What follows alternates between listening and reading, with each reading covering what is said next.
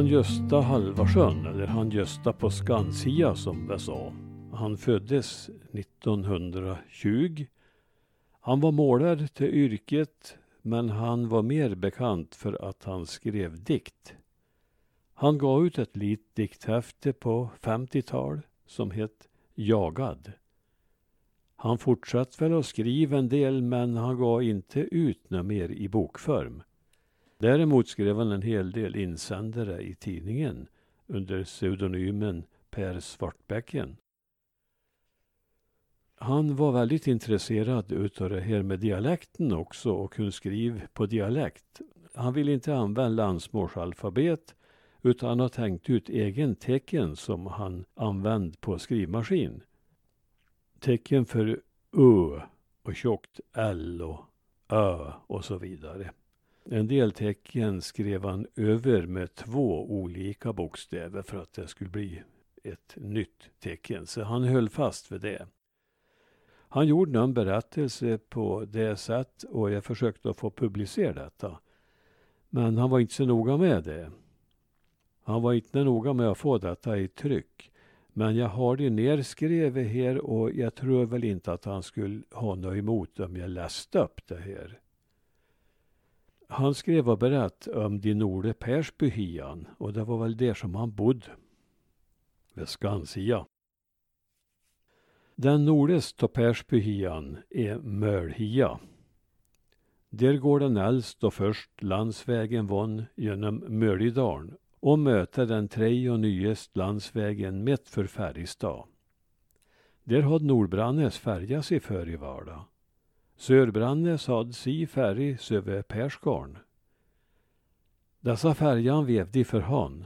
Det var en järnlänk med kugghjul och vev. Nästan hörgal hade föll en robåt till hjälpen. Fast ibland var enda på båten av färg på fel sida när 40 kom. Da vart de stån völva och gast och rop. Kom och för mig. Denna ropinga gjorde nog att vi tog till och kallade den för Branneskastan. Ungdomar på Skansia stod väl och tätt på dem ibland och hälsade förstås inte än de skulle härmdöm. Da vart Brannes 40 sint och döpt dem till Skansikråkan. Fast detta namn kan nog ha kommit till på anviso. När kråkan flötte höst och vår raster de i granan och tallans över kråkhia och nort hibryn der, kråkmörn. Sönne sten Skansia hette som sagt Kråkia. Denna ölva var besvärlig för pojkan på östsidan när de skulle till Brandesjäntan på Friing. En mörk höstkväll var det en som skulle västöver, men när han kom till Färjestad var det högre båta en färg där. Ställsa och rop vill förstås inte, så han tog ta sig kläa, vrok sig i ölva och sam. Att han skulle få låna ett par byxor hem när jänta, det visste han nog. För det var väl inte först gången han kom dit naken. Och visst gick sömminga bra, men vid Västland hade pellgubben lagt ut ett nät på kvällen. Så när pojken kom till Ölva hade han detta nät, i gädd och sju strävlingar med sig upp. Höstnät har fasten på en är jag för blyg för att tala om. Tras norra Färjestad låg Ornshus. Det var samlingslokalen i IOGT-eran, men Brannesbönderna hade nog släppt till penningan till byinga för det hette Brannes ordenshus. Det var en vacker byggning, men nu är den nerreven. Det fanns väl inte öke penninge en vilja till att reparera den längre. Och inger i OGT heller för den delen. Nu för tia är all människa nykter och ordentlig utan någon nykterhetsloge. Jajamän. Jag minnes devisen på långväga. Världen är vårt fält. När jag var småpojk hade jag alltid en del fester och filmförevisningar i Ornshus. Frälsningsarmén hade en skördefest där en gång och då var mor och ge dit. Det var sång och musik och trivle värre. Och så hade de förstås auktion på skördeprodukter. Stöthanna var skattmästare och sköt förstås klubba och hon hade väl den bäst talförmåga och kunde käftes med folk. Roligast vart det när hon sålt en stor pump. Stöthanna var liksom personligen Frälsningsarmén för oss uppe i dalen här. De sålt kaffe och portioner och portionen var väl ris alla malta med vispgrädde och bananskiva. De var riktigt god, så jag först mamma till att köpa mig två stycken. De kost visst 50 öre stycke, vill jag minnas. Men det jag minns bäst, och som jag satt och tätt på hela kvällen, var jämt så vacker att jag aldrig sett maken. Hon var väl två, tre år yngre än jag så hon tör nog leva än. Tyvärr så stant och inte i sockna. Från svingen vid Skansia och Trasnola Ornskjus och Rundsbäcken följer denna tre och nyerst vägen den anner och äldre. Men vid bäcken och svingen tar hon rätt igenom de bäst åkerjala i Rosby och Persby. Den andra vägen gick ovan med husa. Jordbitan i Dalby är inte mycket var nu för tiden. Om jordlösbönder är svält i hör på andra ställe angår väl inte oss.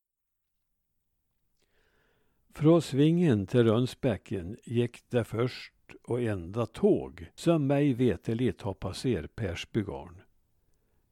Det var i mors gröna ungdom. Det var vinter och snö, klär himmel och fullmån. Ho och han morbror Gustav var på hemväg från Rasby och skulle just till att gå till landsvägen och ta genvägen upp över till Mölhia när tåg kom svepen. Ungdomen vart förstås skarprädd, för de hade aldrig sett ett tåg för. Ifrån Persby fortsatt tåg till Tisjön, där folk såg de sam natta. Tåg var förstås en hägring, och hägringar är inte så ovanlig att denna vägsträcka. Det kanske beror på Ölva och Hia.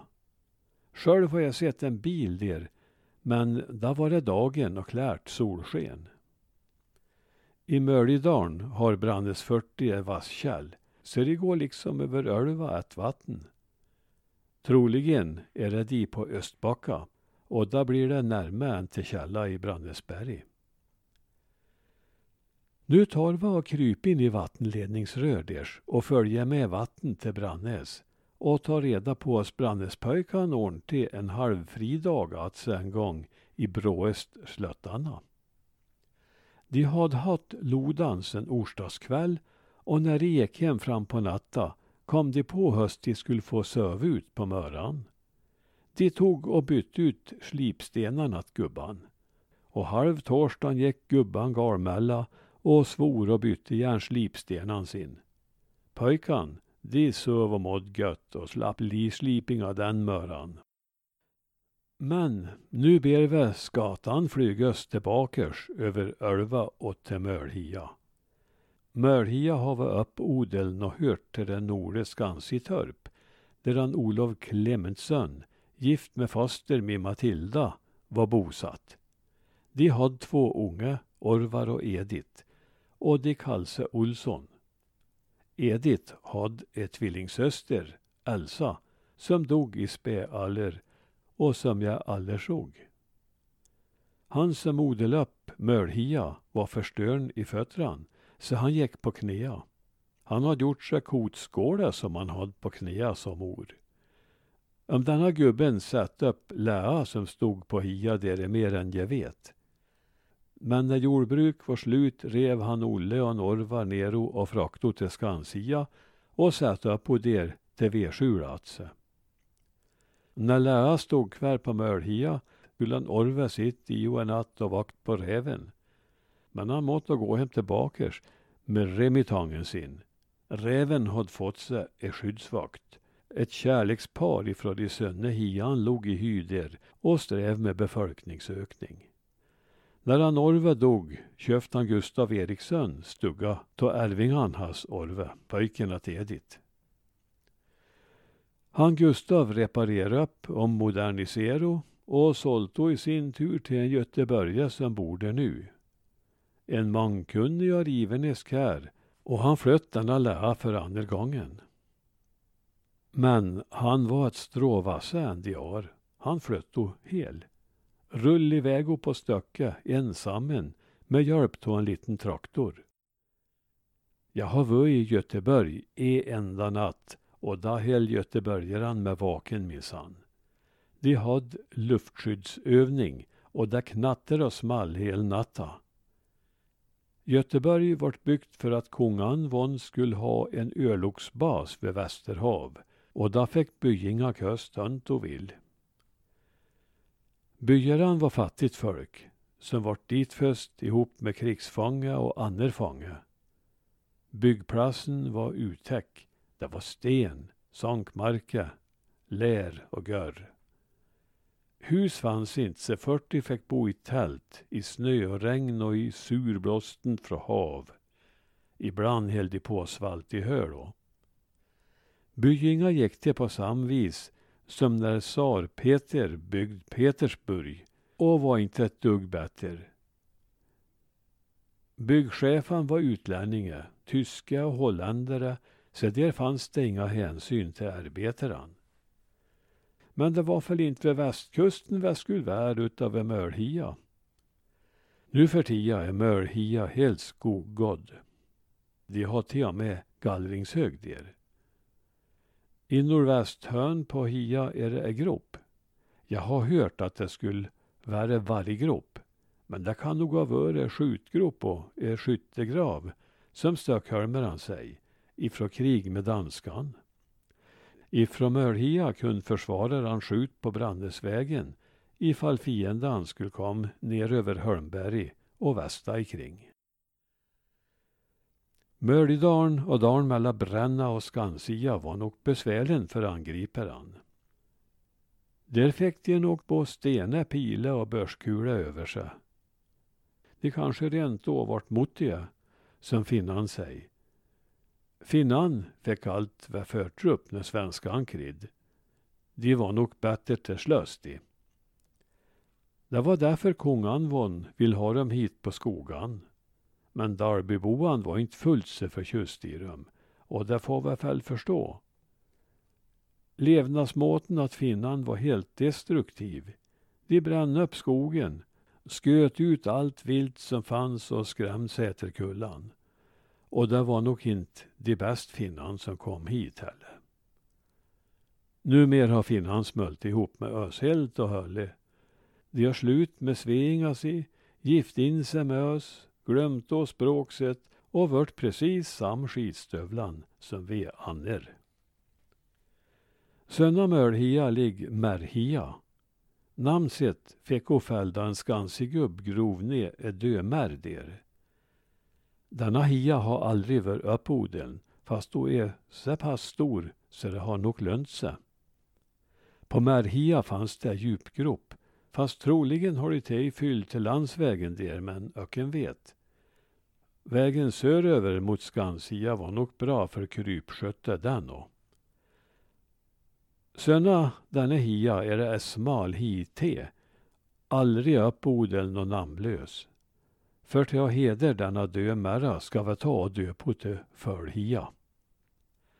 Här går vägen ner i ett suck och sena upp igen till den lång backen som är högst punkten på din ordes tian. Nere i Sök är det bäcksäke och surt och där brukar det vara gött om granbloriske om höstan. Det kan vara åfin den mer ovanliga gulriska en underart till svavelriska som växer upp på berga. Gulriska har längre fot och mindre hatt. Safta blir lila färgen så fort vi bryt i svampen. Smaken är mild och lufte muskot. Är ätnes men ingen delikatess. Västa med och rätt ner högst punkten på backen är det en liten knöl med fin utsikt västöver. Där hade pojkarna skovaktaren i bengarn indiantält sett en. Där stod riktigt fint och strategiskt te och för i Vala vid kriga kunde nog kolla soldater där med börse och ärmbörste. Men nu går vi från Delaware och Hasös nord och ova Långbacken. Och där är det ett litet myrhål. Där hade jag en reservkäll långs ena. Där satt jag multplante som jag tog upp på berg. Plantan levde några år, blom till och med, men till slut tog törken och granan kul på dem.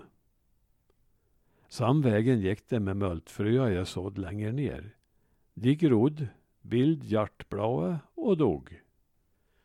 Granan tar liv av allt grönt ikring sig. Inga träd dricker så mycket vatten. Inga andra träd har så stor bladmass heller. De är grön hela år. Och så fort det är ova fryspunkten cirkulerar vatten i dem. Nu går vi ner tillbaka och utöver den långbacken och ner den har jag vasskällan med. Förr var o gemensam för bågalan men nu har jag varit ensam med Nömo. Han Ove tar vatten tur darn neamässa med hydrofor, precis som han Orve. Jag har också en reservkäll där, för denna Ove källa kan bli törr ibland. Men det är goda vatten där och sen när de högg bort dessa grov granarna kring och hallo vatten bättre. Nu fyller vi vassinken, går utöver den lilla backen och säger vi på skansia. Och då kan jag som avslutning berätta om en skansik här som regelbundet samöverölva över till Brandesjäntan på Friing. Broa fanns inte på den tiden. Ro kunde ni inte och färja vill ni inte heller krångel med ensammen. Så han var sig ill tvungen och söm.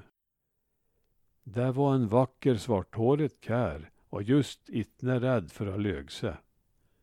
Han hette Kongelmanne och var katta att en Olle och Tilda. Undertecknat Per Svartbäcken. Ett litet tillägg gjorde han också. Läs som ni talar i vardagslag så kommer språkljuden av sig själv. Läs som ni talar i hördaslag så kom språkljuda ta sig själv. Ordlistor håller ingen dialekt levande. Och vårt språk är lika värdefullt som andras.